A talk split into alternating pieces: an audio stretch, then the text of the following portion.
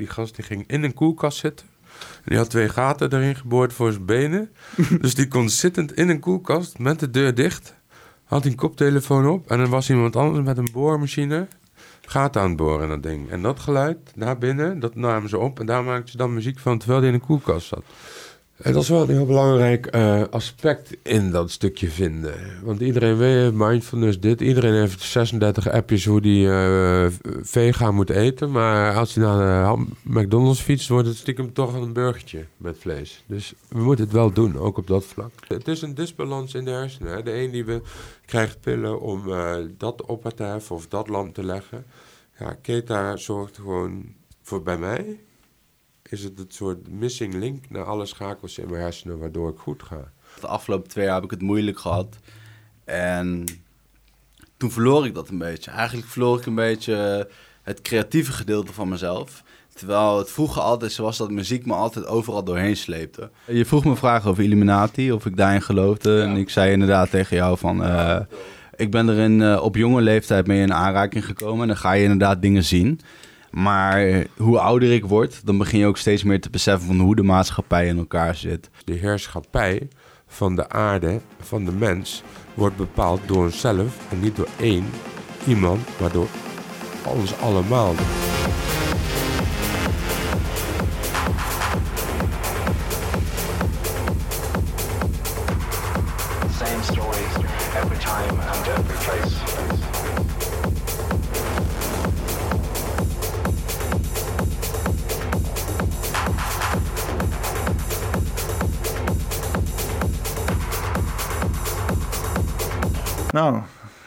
Heb ik je dan toch weten te strekken hier. Het is uh, gebeurd. Eindelijk. het is gebeurd. Dus, uh, we zitten hier. Uh. Ons plan van hoeveel jaar geleden? Ik denk een jaartje of tien. Van ja. hey, we moeten eens een keer wat doen. Eens een keer wat muziek, ja, dingen, iets samen maken. Nou ja. Zo kan het gaan, zo zie je. Ik, ik heb, uh, ja, ik, ik, ik, heb in ieder geval een ton aan vragen voor je. Ik okay. doe hem even gewoon snel inleiden, dan kunnen we er gewoon inspringen. Dus uh, dit is uh, poppenkast, poppenkast nummer 53. ik weet niet eens waar er gefilmd wordt. Maar Check overal camera's. Met Kevin Ra Razius, Razius, aka Oxtradamus. Ben je serieus? Zeg ik dat fout? Ja, volle bak. Begin maar opnieuw. Oh. Playback, uh, of weet het? Oh. Backstreet Boys. Maar hoezo? Wat dan? Wat? Kevin Ruzius. Ruzius? Ja, het is, weet je, ik heb na 40 jaar zelfs nog problemen met mijn eigen achternaam. Dus laat maar, maar komen, kom, keer goed kom, komen vaker mensen met uh, Rosius, Razius, Rizius? De hele dag gaat die naam Ruzius de wereld over op een hele gekke manier. Kevin Razer, nee. Daar ben ik deel van, ja, deelgenoot. Dus, goeie intro. Nee, ja, ik, uh, ik doe het voor. Dit is hem gewoon. Ja, zeker, want complexer wordt het niet. Kan ik je wel vertellen. Ik, uh, ja, zoals ik zei, ik heb uh, een ton aan vragen voor je. Want ik, ik ken jou namelijk gewoon uh, van, van, het, van het draaien, van het house circuit, zeg maar, in, in Arnhem. ik denk ook wel via NDS op een gegeven moment. Ik heb daar stage gelopen, dat we daar ja. elkaar vaak tegen het lijf aan zijn gelopen. En ja, we delen in ieder geval gewoon onze liefde met techno. Hè? Met in ieder geval lekker trans, transcending music, zeg maar. Muziek die je in een trance brengt, zeg maar. Ja, dat sowieso. Maar je noemt meteen ook al een naam. Ik bedoel, NDS, achtbaan, weet ik veel. De tijden toen we jong waren, laten we het daar meteen over hebben. Toen was er gewoon een... Er is, een scene, er is iets gaande, reven. Techno, dat is een cultuur. Dus je komt elkaar tegen als je de straat op gaat. Weet je, en als je lekker werkt en je doet verder niks in je vrije tijd, sta je te barbecuen met de buurman. Maar ja, wij zo zijn wij elkaar tegengekomen. De, de reef zien, gewoon op, nachtelijk op pad. Het is wel grappig dat je dat nou zegt, want het is iets wat we dus twee jaar lang gewoon gemist hebben. Samenkomen ja, onder, onder lekker muziek. En, want hoe waardevol is dat? Want hoeveel nieuwe mensen heb jij ontmoet de afgelopen twee jaar? Ja, maar dat is voor mij niet meer belangrijk. In die zin van mensen ontmoeten is lekker. Maar het gaat om de verbinding hebben met de mensen die je kent. Je hoeft niet alleen maar nieuw en meer en weet ik veel wat. Dat is het stukje wat ik daarin mis wel. Die twee jaar is... Uh, dat bedoel ik, reven is samenkomen onder tunnels, onder bruggen en alles wat je hebt aan elkaar knopen. En de laatste vijf euro bij elkaar om de bus te halen. En anders pak je de fiets of je jat erin. Maar hoe dan ook, je komt op die vissa. Je wil, je wil op dat feest komen, want daar ligt, uh, Ja, want het is een heel avontuur, hè? Het is Ja. een heel fucking avontuur. Het is, je gaat, het, het- kijk, ze- het is dan heel leuk dat er dan deze twee jaar allemaal livestreams georganiseerd worden. Dankjewel dat er die muziek in de huiskamer komt, hè? Super, super tof.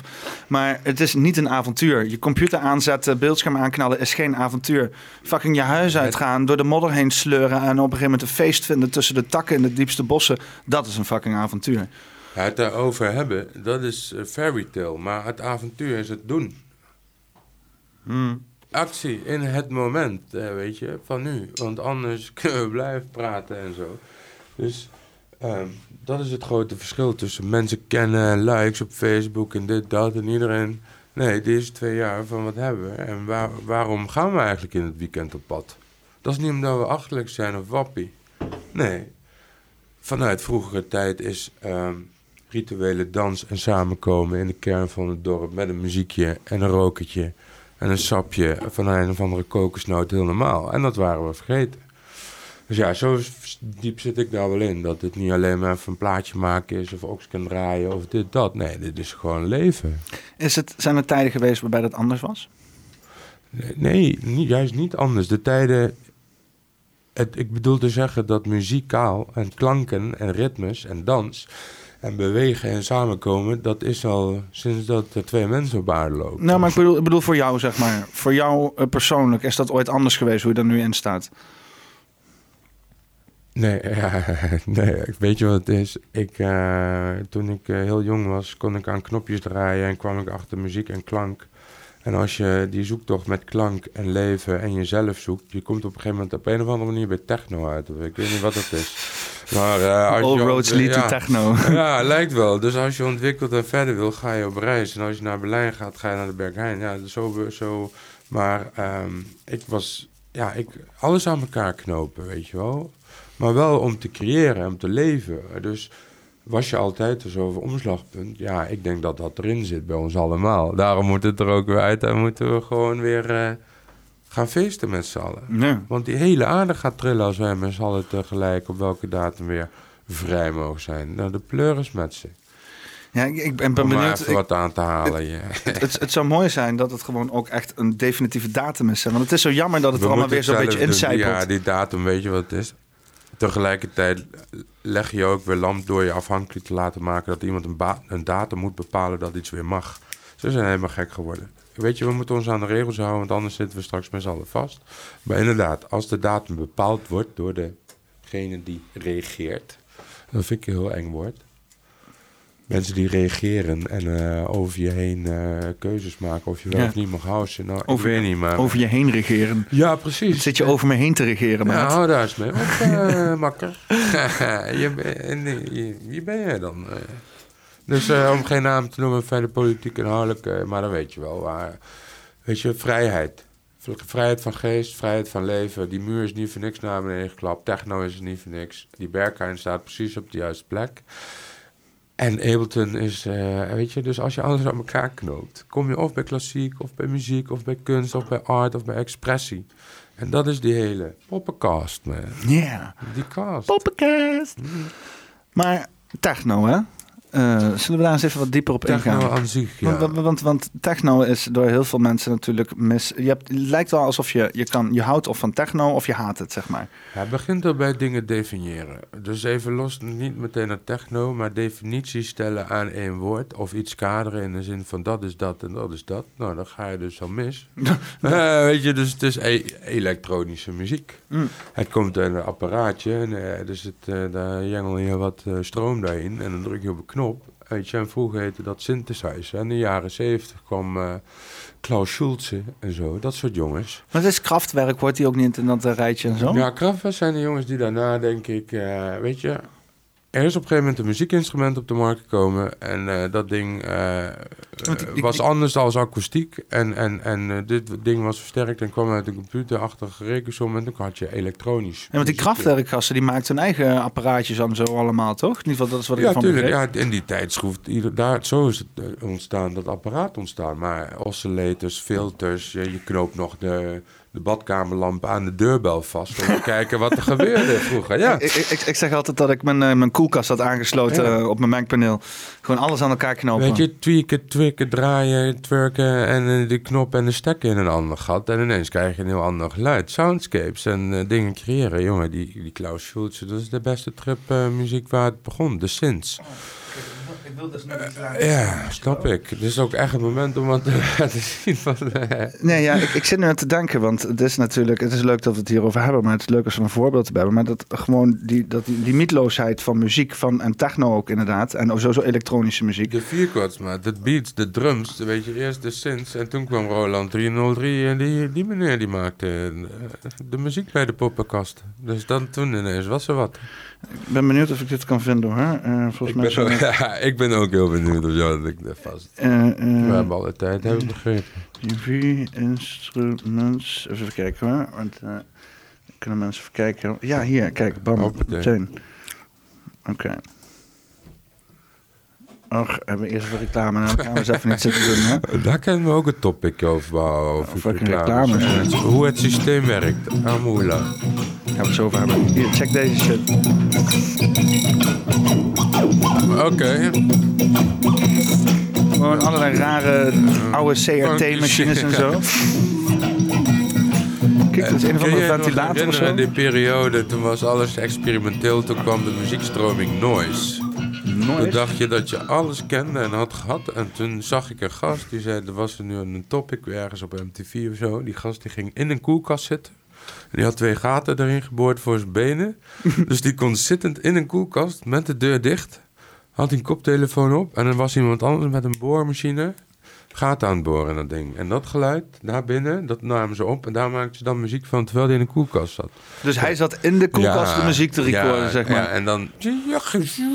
Nou, het, is, het is grappig dat je dat zegt, want ze hadden bij de Fasim hadden ze een recording studio. En dan hadden ze een of andere lange pijp door het hele industriegebouw lopen, waar ze ook allerlei geluiden in konden maken of zo. Nou, ga maar eens onder een brug staan. Als daar een auto overheen rijdt, dan hoor je een geluid. Ja, Als je dat tjoek, tjoek. opneemt, dan is het er. En daar kun je wat mee. Dus die hele creativiteit en hoe eh, klanken in elkaar zitten. En Mozart en dimensie en dan harmonie, weet je. Die hele, alles zit erin. En dat eh, kun je erin kwijt. Die leven. Wil jij... En eh, techno, want daar het over. Jij, ja, we- we- we- jij, hebt natuurlijk, ja, want je, hebt dan gedraaid en zo de afgelopen tijd, maar je hebt ook een, een soort van eh, persoonlijke eh, ja, rit meegemaakt met toch wel wat tegenslag. Wil je daar eventueel wat over, over vertellen? Ja, even kort dan. Want dit techno-verhaal, dat is 25 jaar inmiddels dat ik draaitafels heb. Drie jaar geleden heb ik een auto-ongeluk gehad. En toen was mijn hele techno en feestleven en alles wat ik dacht eh, wat waar was, en, eh, was bijna afgelopen. En in dat moment, eh, in dat ongeluk, heb ik een ervaring gehad. Ik noem het de spirituele ervaring. En dat heeft me een reis opgeleverd. Ja, waarin ik vanuit dankbaarheid dat ik überhaupt nog leef. En dus besef over het leven en de dood, maar ook geboorte.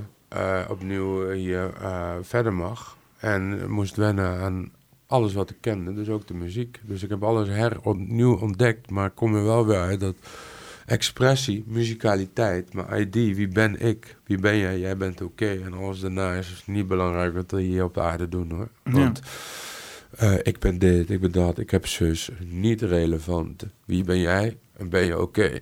En als je kan zeggen, ik ben, eh, dan ben je af.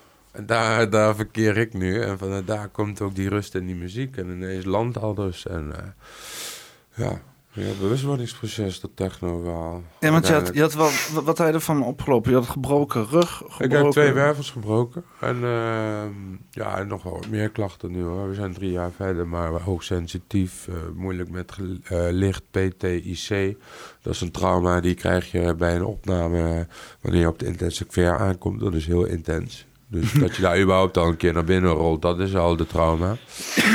dus dan heb je nog niet eens je nek gebroken. Nee. Maar het feit dat je daar was, is eigenlijk al een trauma tegenwoordig.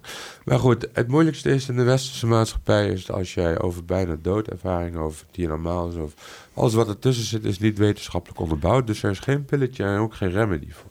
Ja, want eh, is dat, heb- hebben we een boek hier? Ja, wil jij het boek... Oh, eh, oh. Kan je, kan, je, kan je voor ons het boek op pakken tafel, wat op onder, tafel de, onder de pizzadozen, daar ligt het boek van Pim van Lommel. Ja, Pim, Pim van- eindeloos bewustzijn. Ik, eh, ik heb de tekst paraat. Het boek komt eraan, eh, luisteraars. Kijk ja, want dat is, ik heb hier een boek li- namelijk liggen van Claudia. Die kennen jullie ook wel van eerdere podcasts. En die heeft hier een boek laten liggen, Eindeloos Bewustzijn. En eh, Kevin is nou hier en die zegt van... hey, dat is een boek dat ik ken. Ja, ik ken van voor tot achter. Want op een gegeven moment kwam ik bij de huisarts. En eh, ja, die wouden me ergens naartoe sturen. Dus geen de zon wel, maar het ging over heel wat anders dan over je bijna doodervaring eh, beleven. Dat is dit boek.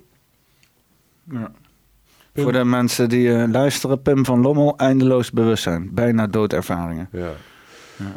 Dit is Pim van Lommel, dat is de wetenschapper achter het hele verhaal. Die heeft meer dan tien jaar ervaring in ehm, onderzoek doen naar het moment dat het lichamelijke stopt, dus het hart stopt.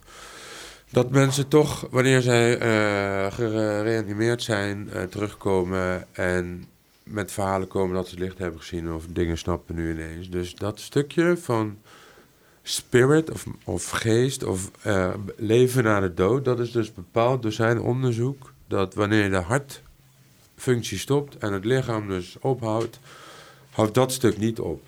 En dat is nu de vraag, is dat dan waar we verder kunnen naar de dood? En is dat de vijfde, of wat is dat? Of is het er, nou ja, ik kan je vertellen, het is er.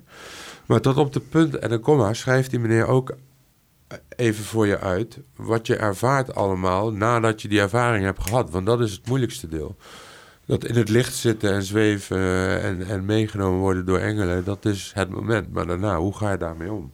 Ja, dat was een proces van eh, zelfonderzoek en lezen. En, eh, Want wat, wat was zeg maar dat, echt dat moment, die, die, echt die eerste twee weken na dan zeg maar die ervaring? Want dan ben je zeg maar maximaal mind blown, zeg maar, denk ik wel. Nou, dat is een wat langer proces. Want eerst loop je zo van, hey, wanneer voelde ik wat en wanneer dacht ik wat? Want toen ik de vangrail raakte, die klap die was zo hard dat ik zei tegen mezelf, dat ga je niet halen. En op dat moment kwam het licht.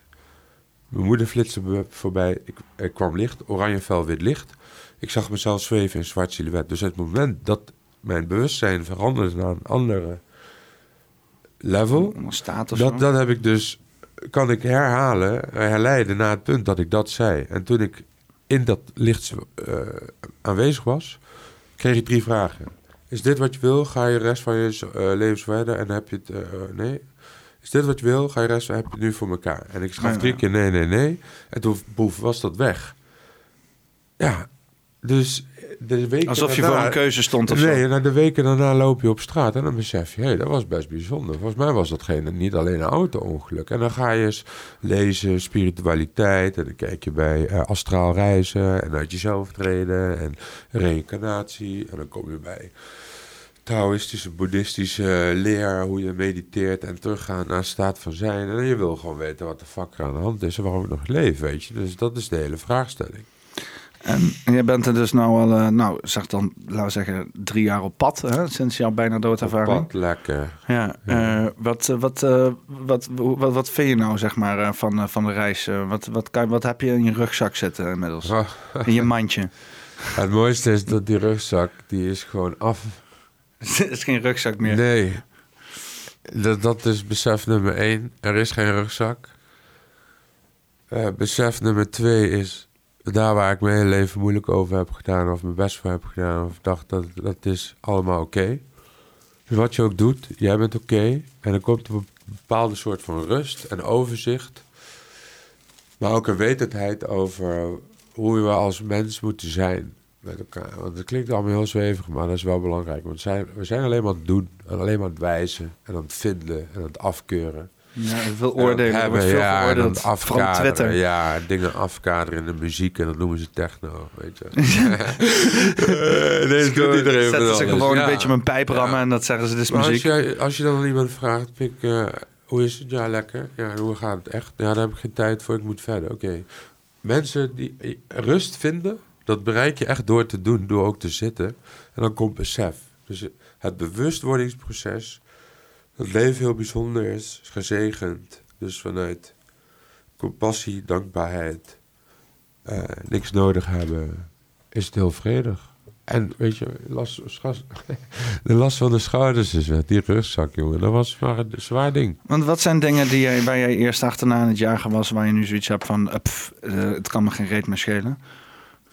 Ja, nu kan sowieso... Het kon mij niet schelen, dacht ik. En nu scheelt er nog niks aan. En ook nu kan het me niks schelen. Dus het- niet echt een besef- exact antwoord. eh. Nee, maar het besef dat je dus niks nodig hebt om te kunnen zijn en oké. Al heb ik een slaapzak, joh, dan vind ik het nog prima. Maar had je dat, had je dat hiervoor? Had je voor, had je, eh, eh, was Nou, jij dan, dan- had je meer, meer Toen- nodig of zo? Ja, Of- toen we- dacht ik van, oh, met de muziek moet het goed gaan. En dit moet goed gaan. En je moet een baan hebben en dit en dat.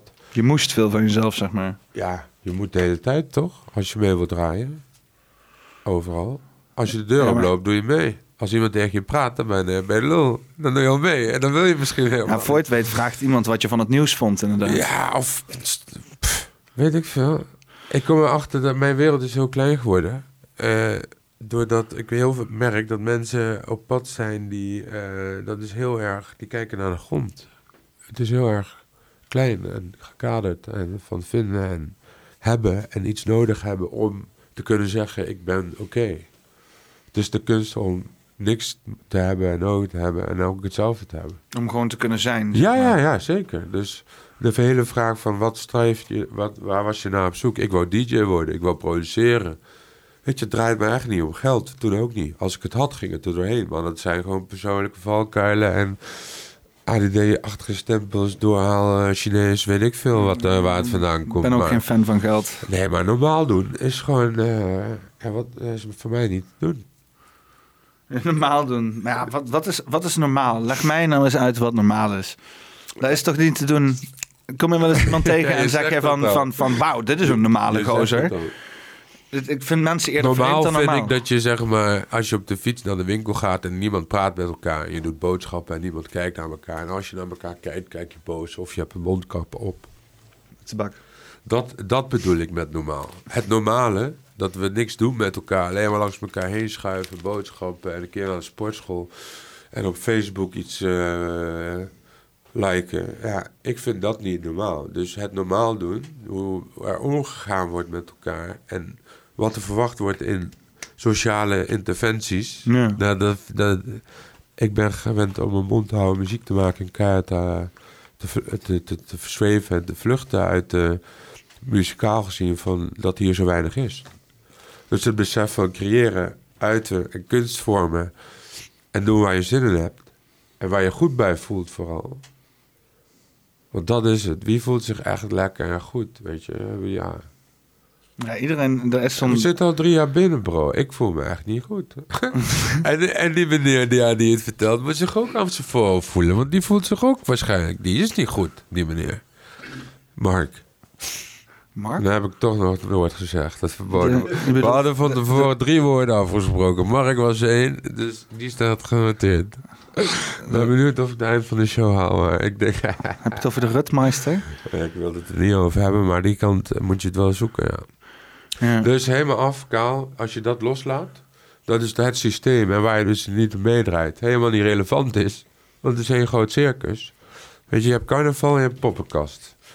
Hun, hun vieren carnaval en wij zitten in een poppenkast. circus is het. Ja, en ik probeer vanuit de poppenkast dan in de boodschappenwereld me doen, te- terwijl iedereen het hos is. En ik word er helemaal gek. Dus ik blijf lekker, een parallele wereld. Ja, je hebt erin, je volgt alles en de hele kutzooi. En je gaat zitten, je wacht eh, totdat de ellende uitbreekt. Of je gaat feesten en leven en accepteren dat het een poppenkast is in plaats van een polonaise. Weet je wat, eh, wat, wat die hele beetje... Ja, het is toch een beetje die Einzelganger-achtige mode, weet je wel. Eh, Ja, zeker. eh, weet je wat dat goed faciliteert?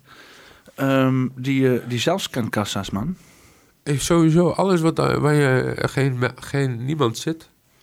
Zelfscankassa is ideaal. Ik hoef niet eens iemand aan te kijken, gewoon. Eerst vond ik het lauw hè, dat er nergens niet meer achter een kaartjesknipapparaat zat. Nu vind ik het fijn dat niemand mij een, een vraag stelt van wilt u een kaartje? Want ik denk ja, anders was ik hier, ja, stond ik hier niet. Nu kun je het zelf bij de Mac jongen. Je kan je eigen hamburger halen zonder dat iemand je aan zit te kijken of iets van je moet. Ach, ik hou ervan. Geen verbinding, geen gesprek. Ja, want Ik daar heb ik ook altijd zo'n scheidtekel aan. Die cashiers die dan inderdaad allemaal shit zitten maar te het gaat niet om de cashier zelf. Het gaat om het, Ja, het de ding waar je in zit. Ik wil zo snel mogelijk mijn hamburger om naar huis om, om weer draait aan te zetten. Ja, maar Dus dan ik heb je bijvoorbeeld, bijvoorbeeld heb je de Aldi, hè? Die heeft dus, die smeert je niks aan. Dat is gewoon een plain old supermarkt. Maar dan heb je dus zeg maar die, die, die afhaalband. Die is aan de kant van waar jij moet inpakken, is die, Dat is die halve meter kort. Afvalband. Hè? Die- ja, of niet, die afhaalband. Ja, die, die- dat stuk zeg maar waar je dan je tas in moet pakken. Bij een normale supermarkt heb je zeg maar anderhalve meter. en Ja, dan zo, komt er oh, nog naar je toe. ja, dat je boodschap Maar- al in het, op je, Ja. bij je enkels liggen terwijl jij nog moet afrekenen. Ja, ja in- inderdaad. En dus je hebt zo'n hele stressvolle ervaring bij het inpakken. En dan heb je sowieso mensen die dan heel ongeduldig zijn. Omdat die al... ervaring. Nee, maar dit is wat je zegt. Dus die wereld, die stressvolle ervaring, alleen om een boodschappen te doen, Ja. daar doe ik liever niet aan mee. Nee. Dus we moeten een andere wereld creëren. Maar we zijn, zijn wij niet... Zijn moeten niet twee kassa's. Zijn wij niet gewoon een stelletje enorme fucking kutjes om ons zeg maar eh, Wij doen te, moeilijk. te, stress, te stressvolle ervaring als Iedereen, doet, iedereen is moeilijk aan het doen. dus waarom wij niet? Dus laat ons lekker moeilijk doen op onze manier. Eh, wil je- Ook dat is niet eens moeilijk doen. Maar dat is als je het definieert en dan ga je al, ja, dan ga je het moeilijk doen definiëren. Dan heb je weer een discussie met iemand die denkt dat moeilijk doen niks waard is. Dus dan, weet je, als je niks doet, moet je ook niet moeilijk doen want dan, en ook niet definiëren. Maar andersom ook niet. Nou, het begon natuurlijk het statement met dat ik waardeer dat er gewoon eh eh zelfscankassen zijn. Dus in die zekere zin is er wel een optimistische hoop natuurlijk. Gewoon lekker niemand aankijken, Weet zelf je, scannen, hup, we moeten zo snel mogelijk boodschappen halen. En dan met z'n allen het park in. Daar weer verbinden. En eh, lekker met z'n allen kletsen en knuffelen. Yoga's eh, drinken. Of weet dat, yoga's bewegen. En Ik- ik- sh- ik vond- shakes drinken. Ik had altijd de meest interessante gesprekken hier in Musses Park, man. Achter de Musses. eh, eh, en dan heb je zo'n park en dan komen eigenlijk allemaal van die... eh, ja, toch wel best, wel cracky gasten allemaal. Met halve liters en zo. En, eh, en, en grote, grote, dikke, vieze jassen. Juist. En eh, die komen dan praten over waren- familie en over zware tijden en zo, weet je wel. Die waren uit op vertier. De rest zat allemaal binnen te wachten tot ze naar bed komen. Ja. Maar ja, het is maar net hoe je het leven wil zien en aangaan. Maar ik heb gemerkt dat het een stuk relaxter kan dan dat ik al deed. En nu ben ik zelf ook nog eens helemaal eh, zen. Dus ja, de- ik eh, heb heel veel geluk gehad. En dat besef ik me echt. En eh, dat waardeer ik echt. Maar de, en, en de boodschap waarin is van... Laten we niet zo moeilijk doen. Het is heel cliché allemaal wat gezegd wordt. Maar het is wel waar. Voor een beter leven, een beter milieu. Begin bij jezelf. Ja, ja, ja. ja. Wat is, wat is het lijpste, het lijpste illegale feest waar je ooit heen bent geweest? Legaal of illegaal? Ja, ja, ja, illegaal. Eerste. Laten we, er een categoriespel van maken. Eerst illegale feest. Nou, dat was in Eindhoven. Dat kan ik wel... eh, Eindhoven de gekste? Ja, zie je, dan hebben we weer clichés, jongens. Zijn waar. Wij waren niet de eerste die clichés hebben opgeschreven. Dat doen die mensen al. De eerste cliché die stond op een kleitablet, wist je dat?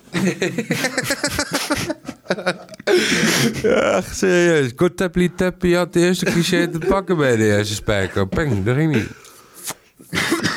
En er ook weer een sigaartje bij. Zo'n klei- kleitenblek met er is geen plek als thuis of zo, weet je wel. Zo'n imago-tap-icoontje Ja, erbij. Weet je, het is maar net hoe je het verhaal vertelt. Ook. En hoe je het leven leeft en beweegt. En je Ja, maakt er zelf iets van, hè? Ja, en het, maar het belangrijkste punt eh, waar we dan toch een mooi eerste brugje kunnen maken is het brein. Want alles gebeurt in je hoofd of je creëert het daar. Want de rest draait gewoon rustig verder.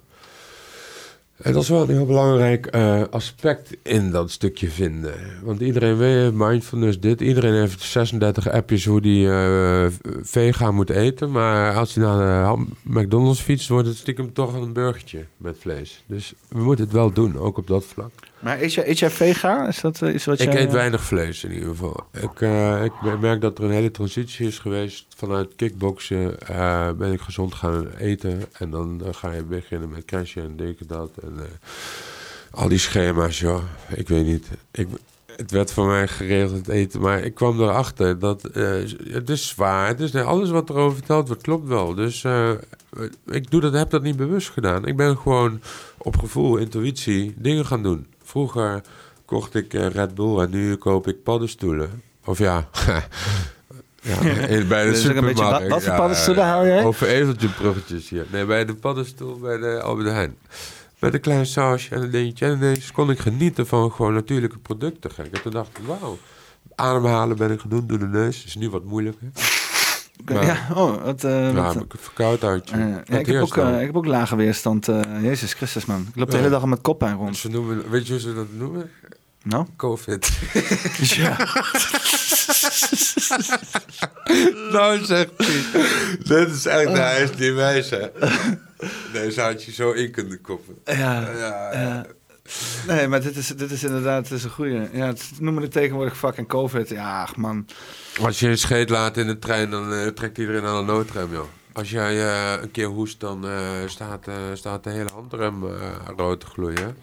Mop, mop. En op de eerste perron staan 36 boa's klaar om te kijken wie nog getrokken had. En dan was jij degene die had gehoest. Dus, nee joh, ik heb wel gemerkt dat de wereld heel scheef gaat.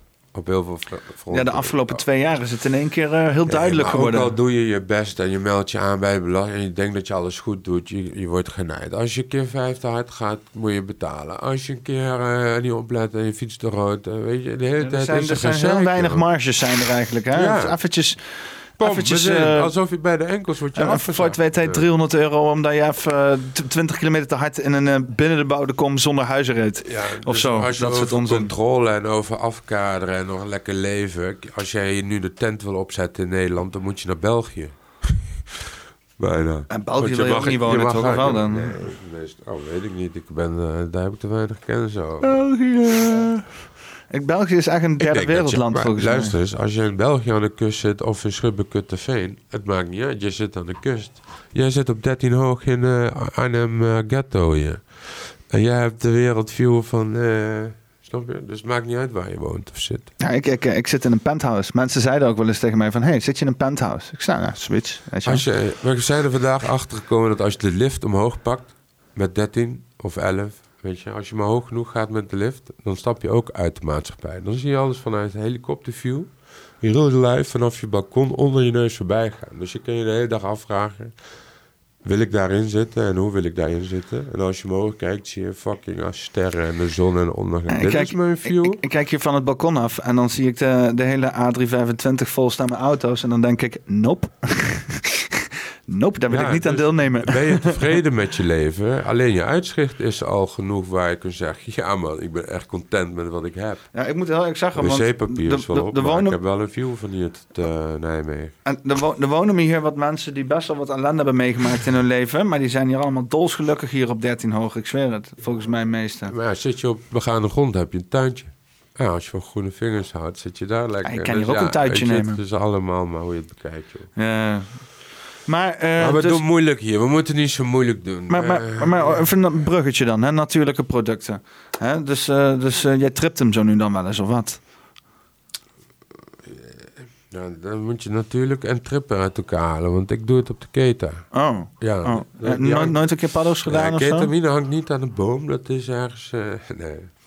Maar je, hebt- je, hebt, je hebt nooit een keer paddo's of truffels gedaan? Jawel, ja, natuurlijk Je wel. bent wel bekend met, met het Ja, tripfenomeen. Ik ben bekend met het hele spectrum, ook op het fungi-verhaal, maar ook op trippen en eh, dat soort dingen. Is al op vroege jeugd begonnen. Toen ik eh, zes was en op de, middel, of op, middelbaar, op de kleuterschool zat, in groep vier.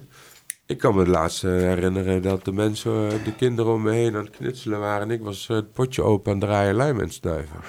Ja, dat doe je niet bij je volle zesjarige bewustzijn staat vanuit jezelf intrinsiek. Dan is er al wat. Eh, Een lijm ruikt wel lekker. Ja, en als je daarachter komt en je bent zes en je gaat dan blowen als je twaalf bent en dan eh snif je als je zestien en dan een likje als je dit doet en een keer aan de pannen. Dus dan ga je achterover en merk je dat dat geestverruiming, dat dat bewustzijnsveranderend kan zijn en dat je daar zelfs door kan groeien en helen. Nou, en dat vertellen ze er allemaal niet bij, eh, de FBI. Nee. En, en de zwarte lijst en uh, Mark. dat is wel eens goed voor je. Dus ik ben dat, die kant op gegaan. Dan ben ik gaan kijken, wat is op de markt? Ik denk nou, ik hoef niet compleet... Uh, uh, ja, lang van kort, je komt ook een beetje ketamine uit. Want dat ken ik vanuit de techno. Bergheijn, eerste snifje keta. Ik stond op de kop. Techno ging rechtdoor. En dat pand dat was om ons heen aan het draaien. Nou, dat, als je dan aan het houden bent, dan is dat wel lekker. Dus uh, ik wist wel dat ketamine een apart spul was. En uh, toen dacht ik, ja, daar ga ik eens verder over lezen. En daar heb ik die drie jaar voor gebruikt. Toen, heb ik, uh, toen dacht ik van, in, in Nederland is het wel verkrijgbaar, bla bla. Maar in Amerika doen ze er onderzoek over op depressiegebied. En op verslavingsgevoeligheid en dat soort shit. En er zijn positieve resultaten. En als je kijkt naar de negatieve kanten. Die moeten ze nog onderzoeken. Ja, ik weet niet, maar dat is geniaal hoor. Als je naar een middel zoekt, dan naar de negatieve dingen. En dan zijn ze naar op zoek, want ze kunnen niks vinden. Ja, dat is lekker. Hoe langer dat duurt, hoe beter dat middel is. Zullen we eens even kijken, een filmpje over The ketamine? FDA approved the first new chemical mechanism for fighting depression in decades. It's a nasal spray of ketamine, most commonly known for its use as a tranquilizer. How do drugs like these affect the brain, and what's new about this one? Let's start from the bottom. We think the activity of neurons in your brain produce your experiences and behaviors. While these cells are famously electrical, the connections between them are chemical. Where neurons connect with others, they let out little bursts of chemicals which can encourage or prevent the next neuron from becoming active. Any chemical that's used in this way is called a neurotransmitter. The most common neurotransmitters in the brain are glutamate and GABA, which are both present in around half of all neural connections. Glutamate is excitatory, it tends to cause neurons to fire more, and GABA is inhibitory, it tends to shut them off.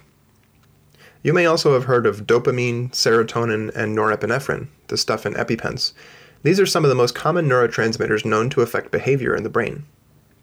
We've actually discovered over 200 neurotransmitters, which are used by a whole zoo of different neuron types. Drugs that affect the brain are often found to imitate, bolster, or suppress natural neurotransmitters. A lot of what we know about the behavioral roles of neurotransmitters comes from seeing the effects of psychoactive drugs that interact with them. This is the case for depression as well. We still don't know for sure what depression is at the neural level because it presents in so many different ways for different people.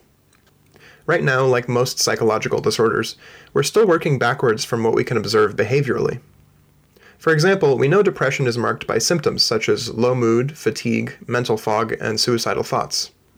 In the 1960s, scientists noticed that some drugs which changed serotonin levels in the brain had mood related side effects.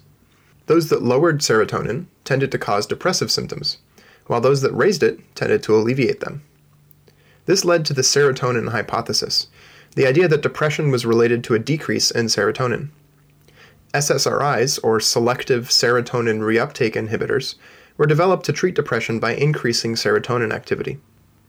Unfortunately, low serotonin isn't the whole story for depression. Many other neurotransmitters are also altered in patients with depression, and just raising serotonin levels alone isn't always enough. Around a third of patients with depression don't seem to respond to SSRIs. Enter ketamine. Ketamine interferes with glutamate signaling. Remember that glutamate is the major neurotransmitter that makes neurons more active, and it's in around half of all the connections in your brain. As you can imagine, interfering with it has some pretty wide ranging effects. At high doses, ketamine effectively disconnects higher and lower brain areas, cutting people off from the outside world, making it impossible to see, hear, feel pain, or even produce memories. This is great for patients undergoing surgeries or other medical interventions, especially because it preserves heart and lung function, unlike most sedatives. Ketamine was approved for medical use in the US in 1970 and saw heavy application in surgeries following the Vietnam War. Low doses of ketamine were first found to affect depression in the late 90s. Antidepressant effects were seen within hours of taking the drug and could last for weeks. Ja, dit is dus, eh, ik bedoel, ze zijn daar gewoon actief mee bezig met die studies. Ze zijn daar inderdaad, en het is ook inderdaad gewoon een, een hele interessante substantie. Wat zijn dingen die jij daarvan hebt ervaren dan? eh? Interessante substantie. Ja, wat ik eh, ervaren heb is dat keta ehm, sowieso zet het... Het is een toxic middel, dus dat betekent dat je hersenpan op meerdere functies en op meerdere plekken aangaat. En dat, omdat het niet te definiëren is, heet dat dus toxic. Het, het brein wordt aangezet en opengezet. Dus wij, normaal gesproken gebruiken wij 6% hersencapaciteit. En nu verhoogt dat. Dus ehm, als jij dat wat je ziet en wat je voelt bij de ketamine loslaat... dus niet meer over de kegel gaat hebben en niet meer over ik heb dit en dit gezien... maar loslaat, loslaat. Als je dan een, een sessie pakt waarin je dus niet een eh, danshoeveelheid neemt voor op de dansvloer... maar eentje om echt achterover te gaan, op het matras te liggen... dan, dan het, het, het, het, het, het, het ruimt op... eh, Het, ruimt op en. eh,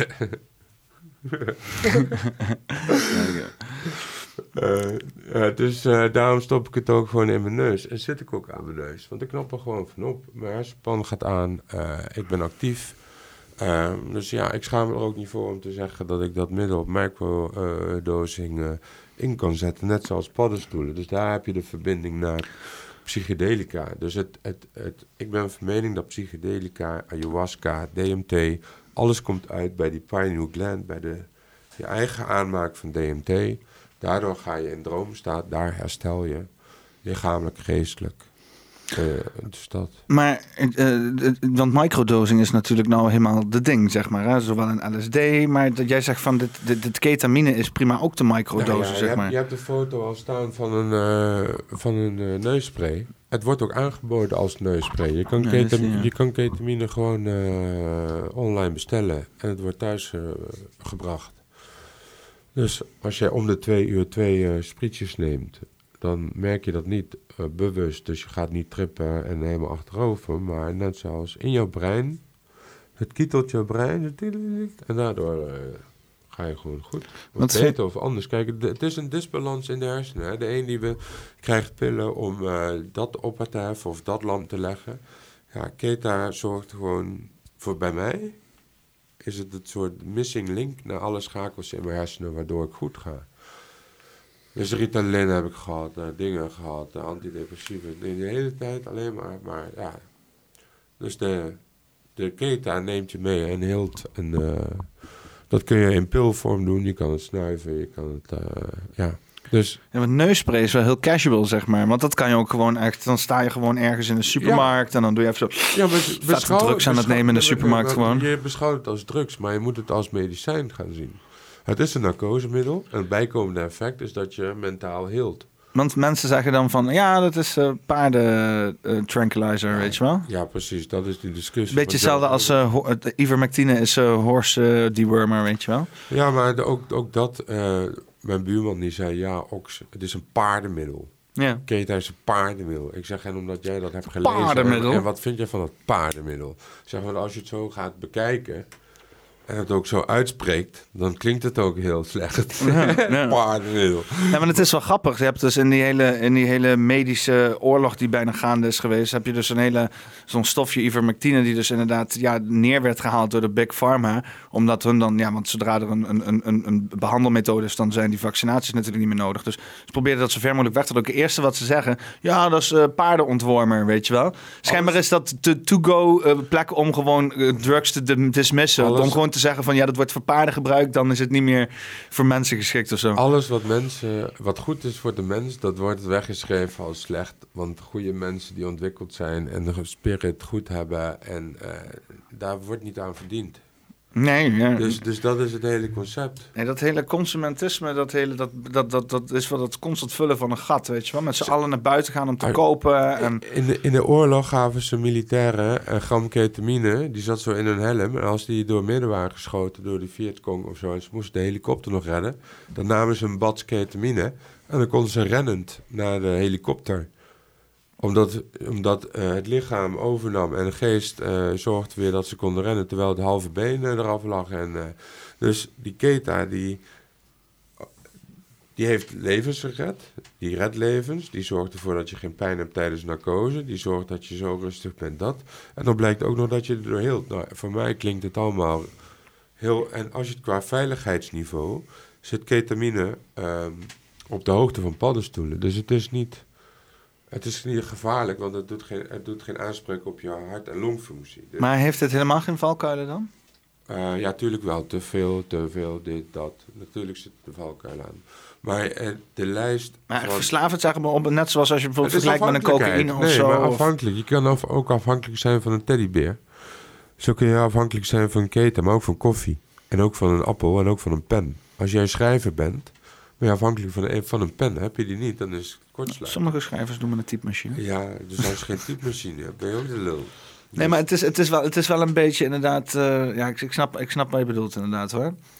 Maar, het- want je kan natuurlijk, ook- want dat zeg ik ook, weet je wel, dat hele, die hele substantie hetze die er is van, oh, we moeten oppassen voor de substanties, want onze kinderen, weet je wel. Ik vind dat zo niet zeggend, weet je, want ondertussen, het is ook hypocriet, want diezelfde mensen die promoten allerlei andere verslavendszorgende middelen, weet je wel, als het dan wel niet McDonald's is en suikers en degene- slechte producten en Ja. slechte gewoontes. Maar homa, je zal maar een substantie gebruiken, weet je wel. Ik vind het sowieso hypocriet, de hele notie in onze maatschappij. Wie is degene die het lijstje gemaakt heeft? Wie is degene die het aan je verkoopt? Wie is degene die de remedy aan jou eh, verkoopt? Wie zegt, weet je, degene die dat allemaal creëert en beheerst en vanuit daar handelt, dat bedoel ik met die afhankelijkheid van, dan zit je in dat.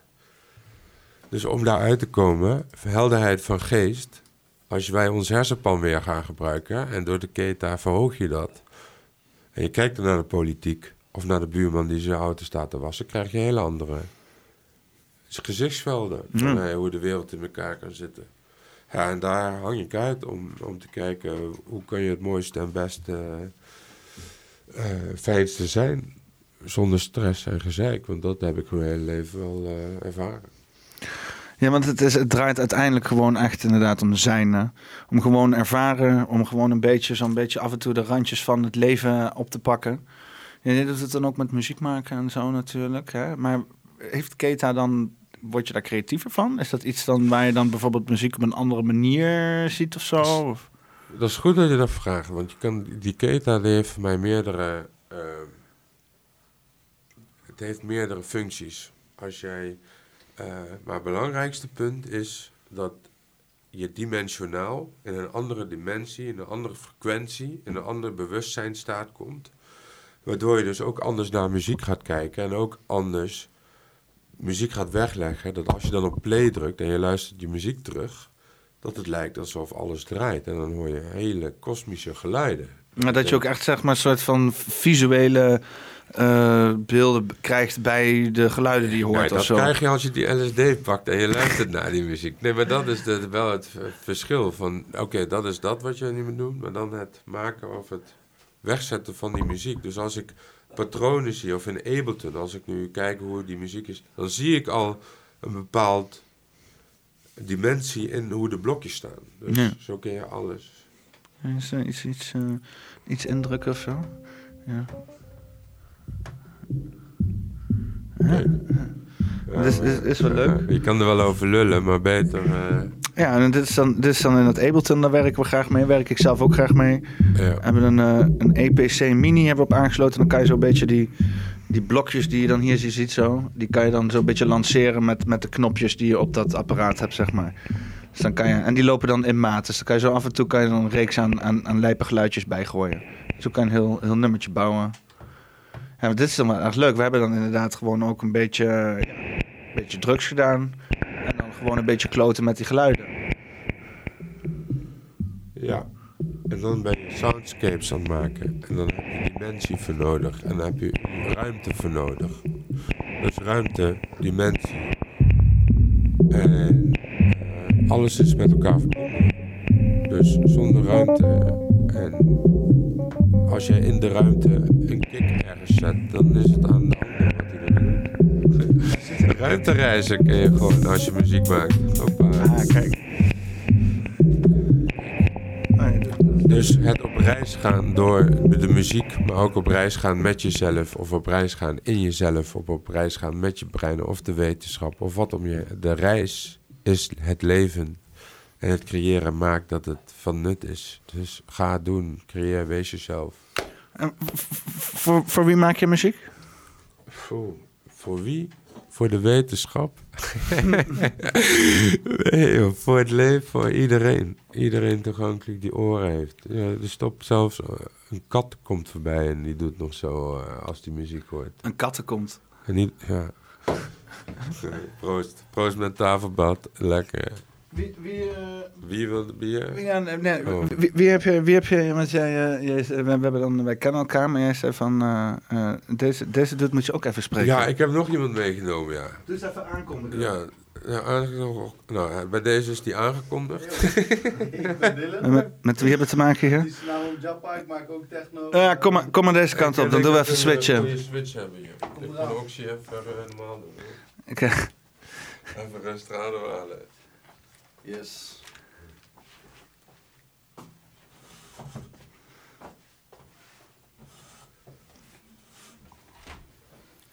Zo. Goedenavond. Nou, st- stel, stel jezelf... eh, waarom heb ik nou weer... Oh, mijn, ja, ja, mijn camera is te veel. Doe ik meteen muziek even aan, hoor. Van door praten. Wat? Mijn muziekje? Nou, we doen geen muziek. Maar in ieder geval, eh, stel jezelf eens voor. Ik ben eh, Dylan, 29 jaar, ik kom uit Arnhem. Eh, ik ben een muzikant. Ik ben een creatieveling. Ehm, en ehm, ja, ik zit vanavond aan tafel met je. Ja, ja want eh, jij maakt zelf ook een beetje muziek en zo en dergelijke. Ja, zeker. Zullen we, zullen we eens even een beetje wat van je opzetten of zo? Want Ik ben wel benieuwd. Net kwam wel even wat zo even snel haastig Goed. voorbij, maar Doe we maar. hebben niet helemaal goed geluisterd. Door. Maar eh, waar, kan ik, eh, waar kan ik jouw eh, muziek, jouw creaties vinden? Soundcloud en Spotify. Zandkluid. Zandkluid.com. Zo. En dan... Oh, dan wil hij dat ik... Moet ik inloggen? Nee, ik wil niet inloggen. Ik wil gewoon gebruiken. Moet ik inloggen dan? Ja, je hebt net Google Chrome gedownload natuurlijk, dus dan vraagt hij weer voor je inlog. Maar moet, ik, ik, ik hoef niet in te loggen, toch? Nee, ik denk niet dat je hoeft in te loggen. inderdaad. Ah, hier, kijk. Kan ik hier klikken? Ja, oké. Wat, is jouw, eh, wat is jouw artiestennaam? Om Jappa. Om Japa. Ja. Vertel daar eens wat meer over dan. Ehm, nou, ik ben al jaren geïnteresseerd in meditatie en eh, ademhalingsoefeningen. Ik had eerst een andere naam. Ehm, was wat minder catchy, vond ik zelf. En op een gegeven moment was ik een boek aan het lezen over een, ehm een Sanskriete meditatietechniek. En die heette Om Japa. En Om Japa betekent, betekent eigenlijk Om aan ademhalingstechniek. Ehm, en ik vond het gelijk wel heel erg catchy klinken, weet je wel. Ik dacht al van, wow, dat is, eh, dat is vet. Klonk gewoon vet in mijn oren aan. Voelde goed gewoon, zeg maar. voelde goed inderdaad. Ja, ja. En ehm, ja, later in het boek kwam ik die term vaker tegen. En toen dacht ik van, jezus, dit is wel echt... eh, het klopt gewoon, weet je wel. En toen kwam op een gegeven moment die gedachte naar boven... misschien moet ik mijn artiestennaam veranderen in Om Japa. Oké. En Want wat, wat, was, wat was het daarvoor? Shifting Paradigm. Oh, oh. Is inderdaad was wel heel veel... Heel veel... Ja, ik wilde eigenlijk, ik wilde eigenlijk eh, eh, de naam Paradigm Shift kiezen. Maar die was al bezet. Dus ik kwam op een gegeven moment op Shifting Paradigm aan. En dat, ja, in een fase van mijn leven was dat best cool. Ehm, maar Om Japa, dat voelde gewoon volwassener. Het voelde meer passend bij mijn filosofie. En het voelde gewoon meer passend bij het moment. En het voelt ook meer ehm, aan als een naam voor de lange adem. Weet je wel, Shifting Paradigm is wel... Ik weet niet, het was leuk voor een moment. Het klinkt meer als een band eigenlijk, eerlijk gezegd. Ja, iedereen heeft zijn eigen interpretaties bij, maar in ieder geval zijn ze er niet enthousiast over. Maar Oom Japa, dat voelde gewoon als een, als een fundament, weet je wel. Als ook iets eigens, zeg maar. Iets wat bij jou past. Of zo. Een eigen ervaring. Precies. Ja. Ja, maar het, moet, het hoort ook iets zijn wat op je pad is gekomen, weet je wel. Iets wat, iets wat je tot jezelf kan maken of Ja, zo. ja, ben ik mee eens. Ja. Nou, eh, is, dit, is dit een leuke nummertje voor jou om even, even te laten horen? of heb je Eh, wel iets anders? Ik zou even kijken. Ik zou beginnen met die plaat eh, die erboven staat, Celestial Serpent. Be- beginnen met. We gaan Ja. niet je hele Soundcloud doen, hè? Nee, snap ik. Of, of in ieder geval die plaat. Oké. Oh, dit is wel stevige shit, dit. Nice. Dit is een plaat waarbij ik vorig jaar ben uitgekozen door een, eh, eh, een team van juries. eh nieuw, nieuw elektronische waar. Die ehm, verbindt artiesten uit Oost-Nederland aan ehm, labels, aan gigs, aan, ehm, ja, aan, aan, laat maar zeggen, een progressie in je muziek. En deze plaat is uitgekozen vorig jaar als een van de tien beste platen van opkomende producers van eh, Nederland. Dus eh, ja, geniet.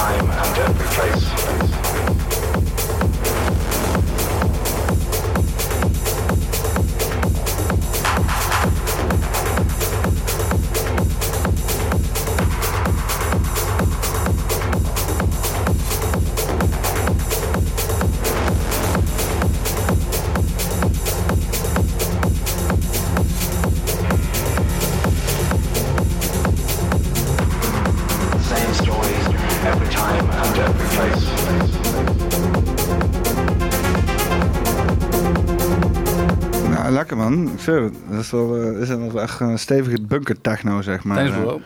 Ja. Oom Jappa, ja, lekker. Ik heb, ik heb ondertussen ergens volgens mij mijn kastje helemaal gemold. schijnt, Dus, eh, Dat is minder. ja, eh, ik werd zelfs ik werd te enthousiast in het schakelen, zeg maar. eh, en, eh, Ja, precies. nee, maar dat is, dit is echt, eh, dit, dit wil ik graag inderdaad in een grote zaal. In een grote, dit wil ik in een, in een warenhuis horen, weet je wel. Zoiets dergelijks. Ja. eh. Snap je? Ja. Ja, dankjewel man. Dat is een eh, compliment. ja. Maar waar, waar- was het, de, want je, een organisatie zat hier nog, die had jou hier een prijs voor gegeven? Ja, dit is, laat me zeggen, ik ben ongeveer zes jaar geleden begonnen met produceren. Ehm, vanuit de intentie om daar goed in te worden. En ehm, ja, ongeveer vijf jaar in mijn reis ehm, kwam ik met dit plaatje op. En die heb ik toen eh, gestuurd naar een label. Die heeft het afgewezen met de... ehm, met, de, met het commentaar van... We vinden Oom Jappa een zeer getalenteerde producer... maar eh, deze plaat is net iets te hard voor ons. Dus toen heb ik het naar een organisatie gestuurd... die elk jaar, laat me zeggen, tien van de beste opkomende producers van Oost-Nederland kiest. En daar wordt door geluisterd door een jury van, ik denk, 20 of 25 mensen. Oké. En die hebben toen mijn plaat uitgekozen als een van de tien beste platen van die Lekker, contest. En daarmee heb ik eh, met deze plaat mijn eerste label release eh, ehm, gekregen. Eh, daarbij heb ik ehm, begeleiding gekregen op professioneel gebied, op eh, muzikaal gebied, op ehm, ja, creatief gebied eigenlijk, laat maar zeggen. Heb ik workshops gekregen en hebben zij me eigenlijk een beetje geholpen om me wat verder op te werken in de muziekindustrie. Ja. En eh, ja, daarom is het ook wel een plaatje waar ik trots op ben. Wat, eh, wat betekent eh, muziek voor jou dan? Want ik begrijp dat jij ook eh, lastige twee jaar hebt gehad, zeg maar. Ja, zeker weten. En heeft, heeft muziek je daar doorheen gesleept? Heeft, heb je daar iets, heb je zeg maar iets daaruit kunnen krijgen op een creatief niveau? Of, of moest je het echt weer herpakken zelf? Ik moest het echt weer herpakken. Laat maar zeggen, ik was altijd een hele muzikale jongen, een muzikale man. Ik, ik heb vroeger gedrumd. Ik heb leren drummen van mijn opa. Eh vond ik altijd super tof. Altijd mee bezig geweest. En ik was altijd bezig met muziek luisteren. Maar inderdaad, precies wat jij zegt, de afgelopen twee jaar heb ik het moeilijk gehad. En toen verloor ik dat een beetje. Eigenlijk verloor ik een beetje het creatieve gedeelte van mezelf. Terwijl het vroeger altijd zo was dat muziek me altijd overal doorheen sleepte. Ik was altijd die persoon die muziek opzette als die zijn emoties wilde verwerken. Of muziek opzette als hij een moment had in zijn leven waar hij even doorheen wilde. En dat was even weg. Ja, man. Maar ik heb wel weer beseft dat, ehm, ook al ondanks dat het een tijdje weg was, het moment dat ik weer begon met muziek opzetten en daarna begon te luisteren. Niet dat ik geen muziek heb geluisterd, maar het was gewoon even een momentje dat het me niet raakte, omdat ik gewoon, ik, ik voelde me een beetje emotioneel vlak. Ik was een beetje op zoek naar meer ehm, zingeving in mijn leven. Ik was, een beetje op, ik was weer een beetje op zoek naar mezelf. Maar op het moment dat ik weer een muziekje opzette, ehm, wat me weer raakte en wat me weer in staat stelde om wat creatiever te worden en wat me hielp om me wat beter te leren voelen, toen merkte ik gelijk weer van, oh ja, dit is de functie van muziek in mijn leven. Pik. En toen merkte ik ook weer van, wow, dat is inderdaad wat muziek voor je kan doen. En daarin heb ik heel veel verschillende raakvlakken. Ik luister echt naar super veel verschillende muziek. Maar het is gewoon, ja, muziek is emotie. Emotie is leven. En eh, leven is leven. Leven schreven. Waarom techno? Ja, dat is, eh, dat is een leuk verhaal. Ik, ehm, toen ik jong was, toen begon ik met naar hardstyle feesten te gaan. En toen was ik ook best wel een hardstyle fanaat. En ik leerde op een gegeven moment een meisje kennen en die zei tegen mij van... eh, ja, wij zijn vorige week naar een technofeest geweest. En wij zouden naar een hardstyle feest gaan die, eh, die week in het Gelredome. Volgens mij was het Climax of Hardbase. Ik weet niet precies meer welk feest het was. Maar toen dacht ik, jezus, wat moet je op een technofeest, weet je wel? en toen waren we op dat hardstylefeest. En toen leerde ik haar beter kennen. Toen hadden we een beetje chance met elkaar. We waren een beetje aan het flirten. En toen zei ze tegen mij van, weet je wat je moet doen? Ga gewoon met mij mee.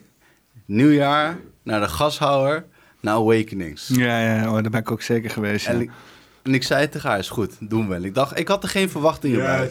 En op een gegeven moment kwam ik in de gashouder. En ik weet nog, Jozef Capriati was aan het draaien. En ik liep daar denk ik 10 of 20 minuten. Ik keek haar aan en ik zei tegen haar, is dit, is, is dit techno? Ja. Echt? Ja, ja. Wow, ik was gewoon flabbergasted. En vanaf dat moment heb ik nooit meer omgekeken naar hardstyle. Was het echt gewoon techno all the way. Dat was gewoon... Ja, ik vind, ik vind, ik vind hardstyle vind ik eh, zelf persoonlijk. Ik bedoel, ik heb van heel veel hardstyle genoten en zo. En vooral van, eh, vanuit de hard techno kant dat het op een gegeven moment hardstyle werd. Ja. Maar op een gegeven moment heeft het zo'n omschakel gemaakt waarbij het gewoon overgeproduceerde meuk werd met een kickbass. Dat ik echt denk van ja, jullie doen het er nu gewoon om. Het draaide alleen nog maar om die kickbass. Er zit geen, er zit geen diepgang meer in. Het is alleen nog maar. Ik denk van ja, oké, weet je wel, je hebt grote speakers, maat, ik weet het, weet je wel. Maar als je dan inderdaad met minimalistische geluiden, met gewoon juist de basis, juist ook zo'n vibe, of zo'n vibe misschien beter weet te zetten, weet je, waarbij echt resoneert op een, op een veel meer basisachtig tribaals niveau, weet je, Ja, in plaats ja, van al die, al die, al die overgeproduceerde eh, meuk, weet je wel, alsof het perfect moet zijn, alsof er een of andere perfectie te behalen is, weet je wel. Dat had ik een beetje met hardstyle, alsof ze perfectie probeerden te behalen. En dat, dat slaat natuurlijk nergens op. Je haalt me de woorden uit de mond. Ik, ik vind het vooral heel mooi dat je dat tribale benoemt. Want wat ik bijvoorbeeld van techno vind, is dat het ehm, teruggaat naar het tribale niveau. Ehm, we gebruiken percussie, we gebruiken synths niet op een manier dat synths overheersend zijn, maar we gebruiken ze als een soort van toevoeging van. En het, het draait om de drums, het draait om de percussies, het Gewoon draait... af en toe een... Precies.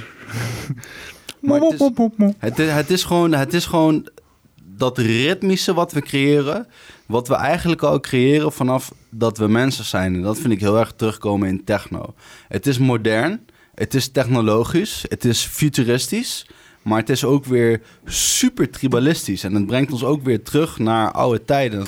Dat, vind ik zo mooi aan techno, weet je wel. Techno omvat alles. Ik, ik vind bijvoorbeeld, als je naar hardstyle kijkt, is het... ehm, heel erg tijdsgebonden. Het klinkt misschien lekker in 2020, maar in 2050 gaan mensen het niet meer waarderen. Maar luister je een technoplaat van 2020 en 2050, dan gaan mensen zich er nog steeds aan relateren, omdat nog steeds al die elementen erin zitten. En dat vind ik zo super dope eraan, En man. techno is tijdloos, inderdaad. Ja. Precies, techno is echt tijdloos. Hier, Mary Go Wild. Het is een Ja, ja wat, wat is, wat is dat voor... Pa- pa- pa- pak de microfoon eens, pak de microfoon eens. Heb ik. Ja, pak, pak, haal hem eruit, haal hem eruit. Zo. Haal hem eruit. Ja, haal hem gewoon van je mond. Ja, zo. Oké, joh man. Hey, Hox. Hey, wat is dit voor een boek die je daar ophoudt? Mary Go Wild. Dat wat wij doen, dat wat wij prediken, dat wij zeggen. Wij in Nederland hebben de Bijbel. Mary Go Wild.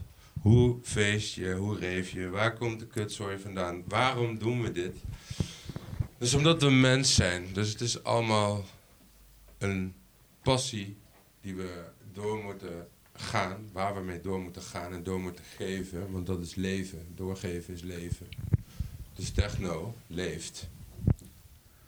Techno leeft. Ja, Reef is leven. Ja, leven, leven, techno. Dus weet je, het is een soort piramide. Oh, wat piramide? Want ook piramides hebben, nee toch? nee, maar eh, het is een cirkel, het is een motortje. Dus eh, techno creëert. En eh, daar komen mensen op af. En het is een lifestyle, het is leven. Ik kan me niet al, ja, Ik, ik, ik, drop ik, zou ik, ik haast ik, zeggen. zo. ik, ik, wil- wel heel even, even gewoon, want dit moet natuurlijk altijd wel poppenkastwaardig blijven, om even een... oh, die microfoon is zo kut, jongen. Het is ongelooflijk. nee, dat is niet jouw schuld. Dat is die- al die microfoons schuld. Ik heb een nieuwe microfoon nodig. Als iemand een microfoon heeft liggen, laat het weten. Ehm, ehm, Eh, kijk, hè, een, een complotje. Is de muziekwereld beïnvloed door satanische krachten? Zo popmuziek en zo. Dat, dat vind ik een hele lastige vraag om te beantwoorden. Waar komt die vraag- Als je mij- Als je mij deze... Oh, oh, oh, Waar komt die vraag bij jou vandaan? van, van het internet. Stelt iemand ons die vraag of, of is dat een vraag? Ja, nee, er zijn heel veel mensen op het internet die zichzelf afvragen van... eh joh, waarom zijn al die artiesten zo Ik satanisch? zet even de zonnebril af. Ja, Oké, dus je gaat satanisme met, met muziek eh, en dat soort Kijk, ja, ja, ja dat, is, dat is wat ze op het internet doen dan. Hè? Ik kijk er alleen maar naar en ik vraag me af, wat, zijn, wat gebeurt hier inderdaad? Ja. Kijk, weet, weet je wat het is? Als je me deze vraag eh 10, 15 jaar geleden had gesteld, had ik gezegd ja. Ik ben in aanraking gekomen met de filosofie van de Illuminati toen ik denk ik 15, 16 was. Ehm, en daarmee ga je ook wel achter elk ding iets zoeken. Ehm, op een gegeven moment heb ik dat een beetje opgegeven, om, omdat ik, laat maar zeggen, dacht van... Ik kan beter een gelukkig leven leiden waarin ik niet overal iets achter ga zoeken... dan dat ik overal iets blijf zoeken. Maar ik vind het wel een beetje verontrustend... Waarom dat je bijvoorbeeld bepaalde dingen ziet zoals je ziet de symboliek terugkomen.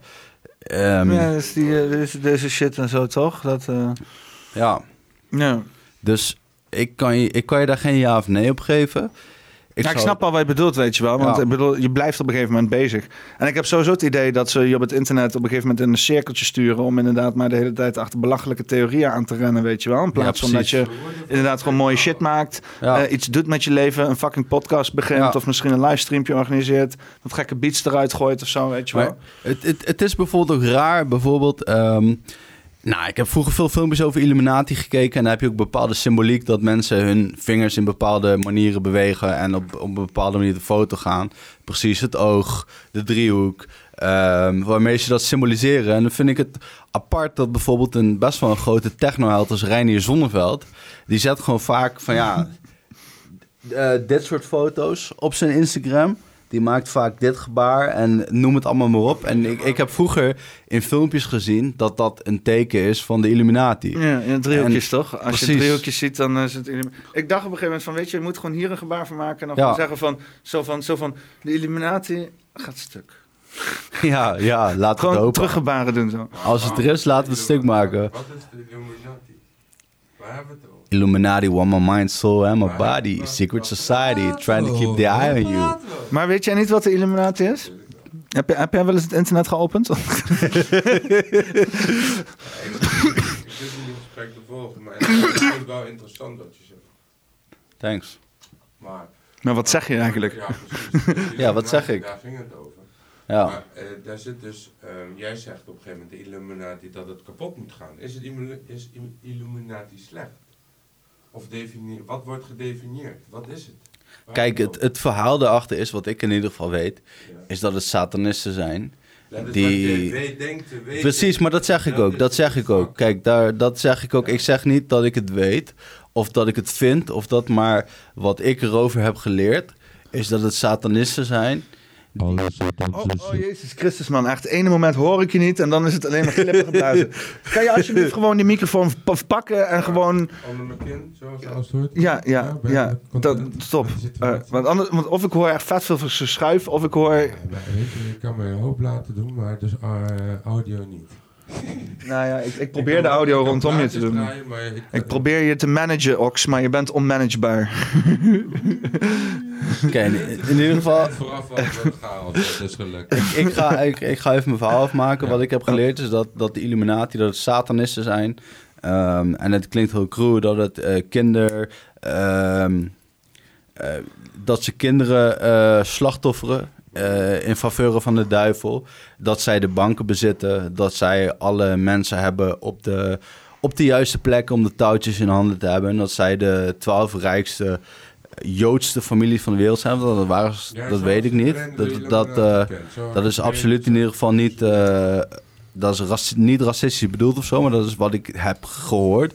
Dat het Joodse families zijn, dat het twaalf families zijn... die eigenlijk, ja, de wereld in handen hebben. Ja, Oké, nee, hold my fucking beer. Eh, want je haalt inderdaad een paar dingen door elkaar heen. Ja. Eh, kijk, de- er zijn inderdaad, de Illuminati is een 17e eeuws eh, eh, verbond van mensen die inderdaad de wetenschap najaagden en die onderdrukt werden door de christelijke kerk. Ja, dat heb ik en dat, gelezen. de mythe van de Illuminati is altijd gebleven. Dan heb je daarnaast de vrijmetselaars. Vrijmetselaars. De, de mythe van de Illuminati.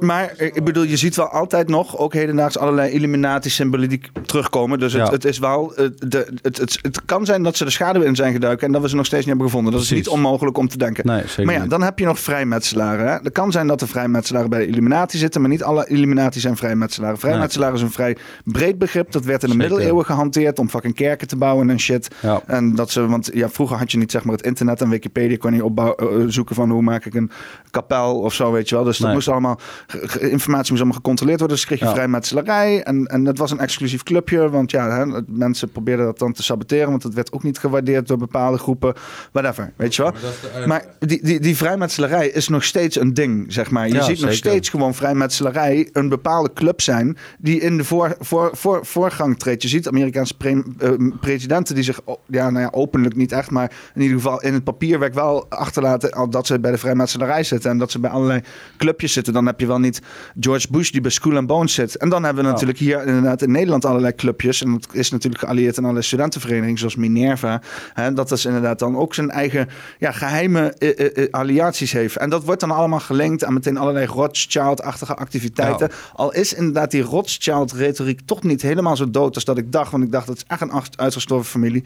Maar eh, de- op het internet zwerft een verhaal rond dat fucking Klaus Schwab een Rothschild af, af nagezet is. Dat, dat haar moeder, zijn moeder was een Rothschild. Hè? Dus, dus hij zit daar gewoon nog steeds op fucking wereldniveau te handelen in het open. O- te- Ten name van de Rothschilds. Van die familie waar we het niet, Ja. niet over mogen hebben, wat een complot is. Ja. Er zit hier letterlijk een dude die dan van Rothschilds afkomt, te zeggen dat we met z'n allen een bepaalde manier moeten leven. En dan, Ja. dan zal het nog steeds allemaal complot zijn. Dus er is wel, er is, maar ik moet heel erg zeggen, ik weet niet zeker dat Klaus Schwab een Rothschild is. Want dat, voor hetzelfde gaat als je dat zegt, Nee. je weer een antisemiet.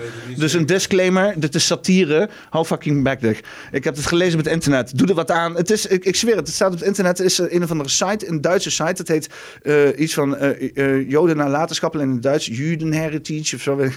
In het Duits.de. En daar staat het dan uitgemapt. Maar dan denk ik van, is het dan iemand die dan kwaadwillig dat wil doen? Of is dat dan weer officieel? Dat is, het is één grote mindmaze. Maar ja, hoe dan ook. Er is een hoop shit gaande. Dat, dat Zeker. is, is er zeker gaande. En, dat is ook, en het is nog steeds actief. Maar het is wel, als je daar niet genuanceerd in duikt... en als je inderdaad die, die soort van mythe van de piramide eh, gaat geloven, zeg maar... Ja. alsof zeg maar echt alles met elkaar verbonden heeft. Want alles is zeker en zeker zin met elkaar verbonden... maar niet op die manier dat jij denkt dat het is. Nee. Hè, het is altijd op een andere manier met elkaar verbonden. Ja. En je moet op een gegeven moment ook afstand durven te nemen... en te zien, oké, dit zijn losse entiteiten... en die Ja. zijn ook in een wereld van chaos bezig. Weet Ja, je wel? Niet zeker. alles is orde gecontroleerd. En dat is het, dat mensen wel een beetje denken... dat die mensen absolute orde hebben. Maar dat is, weet je, absolute... Ja. Weet je wel, Ja. het is, ze zitten wel aardig in ons hoofd... maar wel heel indirect, zeg maar. Nee, Het precies. is niet alsof Klaus Schwab nu op een knopje drukt... en dan gaat er in je brein een lampje branden. Nee. Zover zijn we nog niet. Nee. En dan, en dan even terugkomend op je vraag. Want wat ik als antwoord gaf is... ehm, Was er een vraag?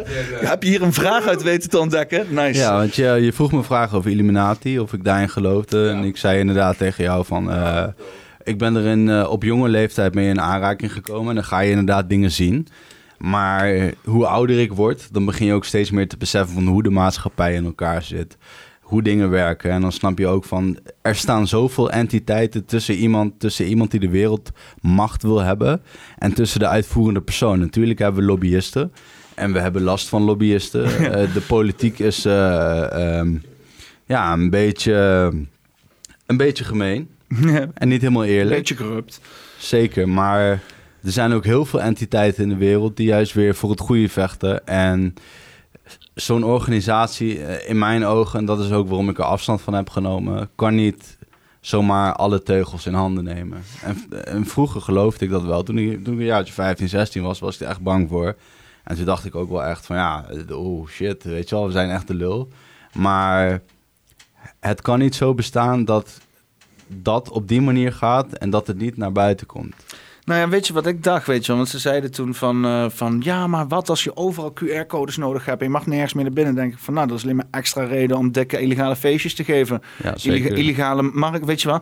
Als ze ons gaan verhongeren, ja, dan gaan we het zelf wel organiseren, toch? Ja, ik bedoel, ja, ik, ik, ik heb toch al een scheidhekel aan de supermarkt. Daar is in dit gesprek ook wel naar boven gekomen, dus waarom niet, weet je wel? nee, maar ja, ze willen onze klanditie natuurlijk ook niet, niet missen. Dus eh, zolang wij gewoon massaal zijn, zolang mensen massaal nog steeds voor vrijheid staan, dan is vrijheid een vies woord geworden.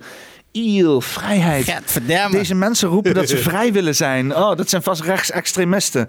Ja, dat is, het is heel raar. Maar eh, als, als je het gewoon diep in je hart wil, en je wil gewoon vrij zijn en je voelt eh, dat je onderdrukt bent, ook al leven we in een vrije maatschappij tussen aanhalingstekens, eh, dan moet je er gewoon voor staan, weet je wel. En als Ja. er dan gewoon genoeg mensen zijn, dan zullen we altijd, dan zullen ze ons nooit kunnen controleren wat dat betreft.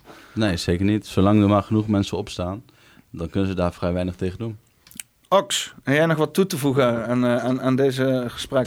Ja, ik heb besef van... Ox, Ja, we- Wil je nog even, wil- wil je nog even een, een, switch, een switcheroo doen? Dan sluit ik hem even af met jou nog. ja, Ja. nee, zeker. Is dat goed? wat Is goed, is goed. Ik, ik had wel gewild dat hij eigenlijk die koptelefoon op die manier meenam. Dat zou wel mooi zijn eigenlijk. Oh, ja.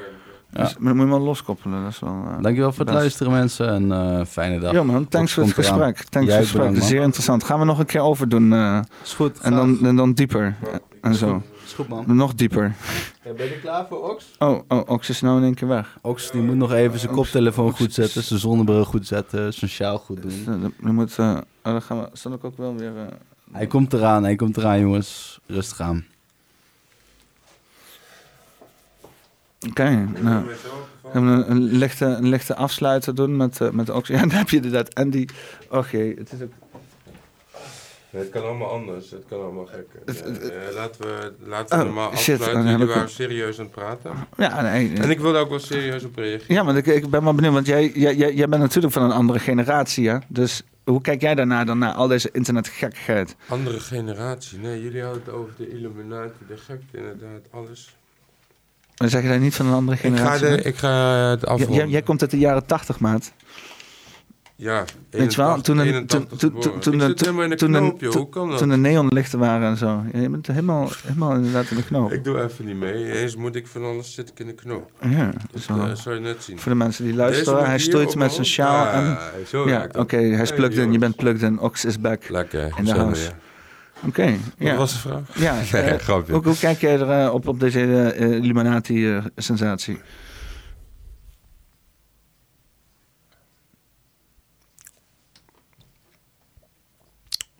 Alles wat jullie net benoemd hebben. Dat hele gekaderde stuk één ding benoemen als Illuminati en dat als goed of slecht te definiëren. Als je daarnaar kijkt, je kan de Illuminati ook zo aanschouwen of eh, zien dat binnen de Illuminati je goed en fout hebt. Dus de Illuminati hoeft niet slecht te zijn, want als wij, als degene die aan de macht komt goedgezind is en niet op geld belust en op hebben en op macht, dan krijg je een Illuminati van liefde en dus connectie en verbinding. Dus de Illuminati zie ik als het omvattende, eh, zeg maar, het van als je dan de, de wereld roelt of onder controle wil hebben, dan ben jij de Illuminati. Eh, ik denk dat ehm, in het mens zit een goed en kwaad denken, of een goede kant en een slechte kant, of waar gaan we heen en wat is goed. Ik denk dat al het geld en de hele poppenkast weg moet. Nou, niet deze poppenkast, Oh, maar de ik rest. van, al, ja, ik schrok ook toen ik ja, je zag Ik het. denk, nee, moet ik weg? Oh nee. Nee, maar niet. Nee, maar dat je dus... ehm, ehm, ja. Dat... eh, goed en fout... Dat zit overal in. Ja, ik- Alleen hoe ga je ermee om? Ik geloof ook niet dat goed en fout absoluut is, weet je. Ik geloof dat goed en fout net zo vloeibaar is als water. Als in dat iedereen en Ja. goed en fout in zich Ja. heeft. Dat goed en fout dan ook nog eens een keer beoordeeld wordt van een extern perspectief. Ik En dan heb je ook nog eens een keer, bijvoorbeeld mensen konden goed zijn en fout zijn. Maar mensen doen ook goede dingen met slechte intenties. Of slechte dingen met goede intenties. Dat is super het is, het is helemaal ma- wat je ervan maakt, weet je wel. Zijn de drugsbaronnen in Mexico slecht? Nee, maar we hadden het net over het Illumin. Ik weet je, want ik merk ook dat ik heel erg bij de kern probeer te blijven. Bij de wetenschap en bij wat er geschreven is en wat Ik er is niet. gezegd. Nou, ik eh fantaseer van de hak op de tak. eh, of in ieder geval... ehm, ik ben gaan onderzoeken hoe dat zit, weet je. Eh, en ben eens gaan lezen en gaan kijken. En eigenlijk van het Taoïstische boeddhisme, daar wordt beschreven dat er ooit één mens was die samen met elkaar was. Maar toen iemand anders zei van hey, dit samen, ik ga dit en dit doen, toen is er, zijn er, is er is een dualiteit ontstaan, een tweedeling. En op dat moment, toen die rakker zei ik ga iets anders doen, sindsdien is er een tweedeling in de mens ontstaan van ga je hiervoor of ga je daarvoor? En dat gaat echt honderdduizend jaar terug. En dat is waar we het over hebben. En als je dan... Die mensen die gingen honderdduizend jaar op pad. Dus je hebt twee, één bevolking, één mens, maar twee gedachtes. En vanuit dat is nu de hele tijd invalspunt van... Waar de zen-meditatie geeft aan dat eh, geloof en dingen... en het hele scheef gaan is ontstaan bij die denkwijze die daar scheef ging. Want het draait om de natuurwetten, naar de natuur, naar eenheid, naar eenheid van zijn. Dus als jij geld verdient, stop je dat in je maatschap en in je leven en in de wereld. Of bouw je een villa en een hut op de berg en ga je voor rijkdom en zeg je dat dat het gemeensgoed eh, is. Dus als je nu over illuminatie spreekt die slecht is, dan denk ik dat het die kant is, die mensen die af zijn gegaan naar laten we geld bouwen, we moeten bouwen en ontwikkelen en geld verdienen en want, want, want. Maar er is ook een hele vredelievende kant van, de, van waar alles is of waar we naartoe kunnen gaan. En dat is de heerschappij van de aarde, van de mens, wordt bepaald door onszelf en niet door één iemand, maar door ons allemaal. Dus geen leadership, geen politics, no bullshit. En zover eh, zit ik in die trein. en die trein die stopt niet. En dat is een hele zoektocht van waar gaan we heen, waar komen we vandaan, hoe zit de wereld in elkaar. Maar Maar jij zegt eigenlijk van, dus eigenlijk is die hele Illuminati-dingen, dat is gewoon te kort. ze- hoe Want dat benaderd wordt en bekeken wordt en weg wordt gezet, dat is te... Weet je, weet je wie een vrijmetselaar zou zijn? Ehm, ehm, eh, Nelson Mandela. En dan denk ik ook van ja, die gozer heeft vervolgens Afrika bevrijd, of in ieder geval een gedeelte. allemaal vrij met... eh, iedereen is... eh, weet je... Een vrijmetselaar? Nee, ja, maar wat, wat, wat is de definitie van de vrijmetselaar? Ja, het is gewoon een groepje die dan zichzelf op een gegeven moment vrijmetselaar noemen en zo. Ja, dus groepje gekaderd van de vrij denken en zijn van geest. Ja, ja, ja. Maar dat gekader is al... eh, dus De steen moet je even dan denk ik die vrijmetselaar, rakker, en de Illuminati... dat zijn allemaal dingen gecreëerd om iets te kaderen of iets te krijgen... of zich af te zetten van hetgeen wat er was. Ja. Snap je? Dus we moeten weer terug naar eenheid. Unity. Verbinding. En daarna komt Jij zegt zo, iedereen moet gewoon een vrijmetselaar worden. Ja, iedereen. Samen één. Verbinding. Unity. Samen vrijmetselarij. Ja, Rastafari. Iedereen, eh, iedereen roept Bob Marley, maar snapt iedereen wel wat erachter zit? Aan het hele verhaal. Dus weet je, het gaat ver, maar het is allemaal met elkaar in verbinding. Mm. Zo, zo, zo heb ik het mogen... Dat is de boodschap die ik mee heb gekregen vanuit de sterren tijdens mijn bijna doodervaring. Daarom praat ik er zo over. Want daarvoor was oma Oxy alleen maar doorhalen, 25 jaar alleen maar feesten en aan de pillen en scheef gaan en dacht, dit is het. Maar ik zat in een andere trein, de verkeerde. En nu, eh, ja, Nu gaat het beter. Los van beter of goed of fout, het is compleet en heel en overzichtelijk van hoe de wereld in elkaar zit en dat we voorgelogen zijn. En dat het de geschiedenis klopt en de cijfers niet kloppen. En dat het systeem waar we in zitten kut is. En dat we allemaal moeten betalen. Voor wie? Voor Jan Snot? Ja. Wat, voor wie doen we dit? Waarom zo, op deze manier? Leg uit, waar gaan we heen? Wat is het plan?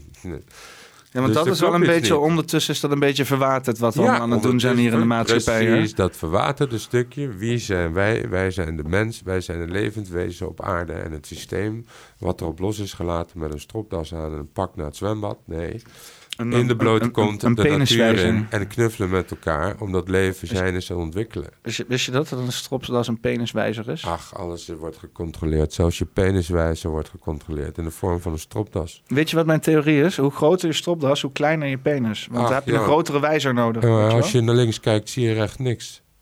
Dat is pas wat. Ligt eraan als je ogen je achterhoofd hebt wel. Nee hoor, dan ga je rechtuit. Ja, ik weet het maakt uit of je voorover klapt of de vangrail of achterover. Je. Nee, maar gekkigheid. Humor, creativiteit, kunst, uitingsvormen maakt dat je leeft. En dat moeten we doen in een maatschappij waarin dat niet mag. En je moet je afvragen waarom we het niet meer mogen. En degene die het ons oplegt, die moet zich afvragen wie de fuck hij is of zij. Of wat de intenties zijn, want dat gaat mis. Ja? Nou, denk het wel. Oké. Of- Poppenkast 2, eh, 53 met eh, Alles kan Kev- kapot. Ke- Kevin Razi. Ja joh, raas hem er doorheen. Oxtrodemus, Ra- ik, bladibla, je weet, eh, twee keer is de helft. Nee, maakt niet uit man, gewoon. Ik ben Ox, Kevin, a.k.a. En met, eh Teddybeer, eh, met eh eh eh, Om Japa. Oom Joppa, Dylan. Dylan. En hoe, hoe introduceer je jezelf eigenlijk? Hoe zie je jezelf eigenlijk in de hele situatie? Zullen we het volgende podcast over jou hebben? V- Tik Visie hem aan. muziek, aka.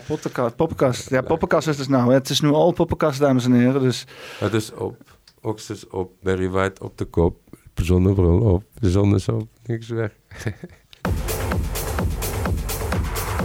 Same stories, every time and every place. Same stories, every time and every place.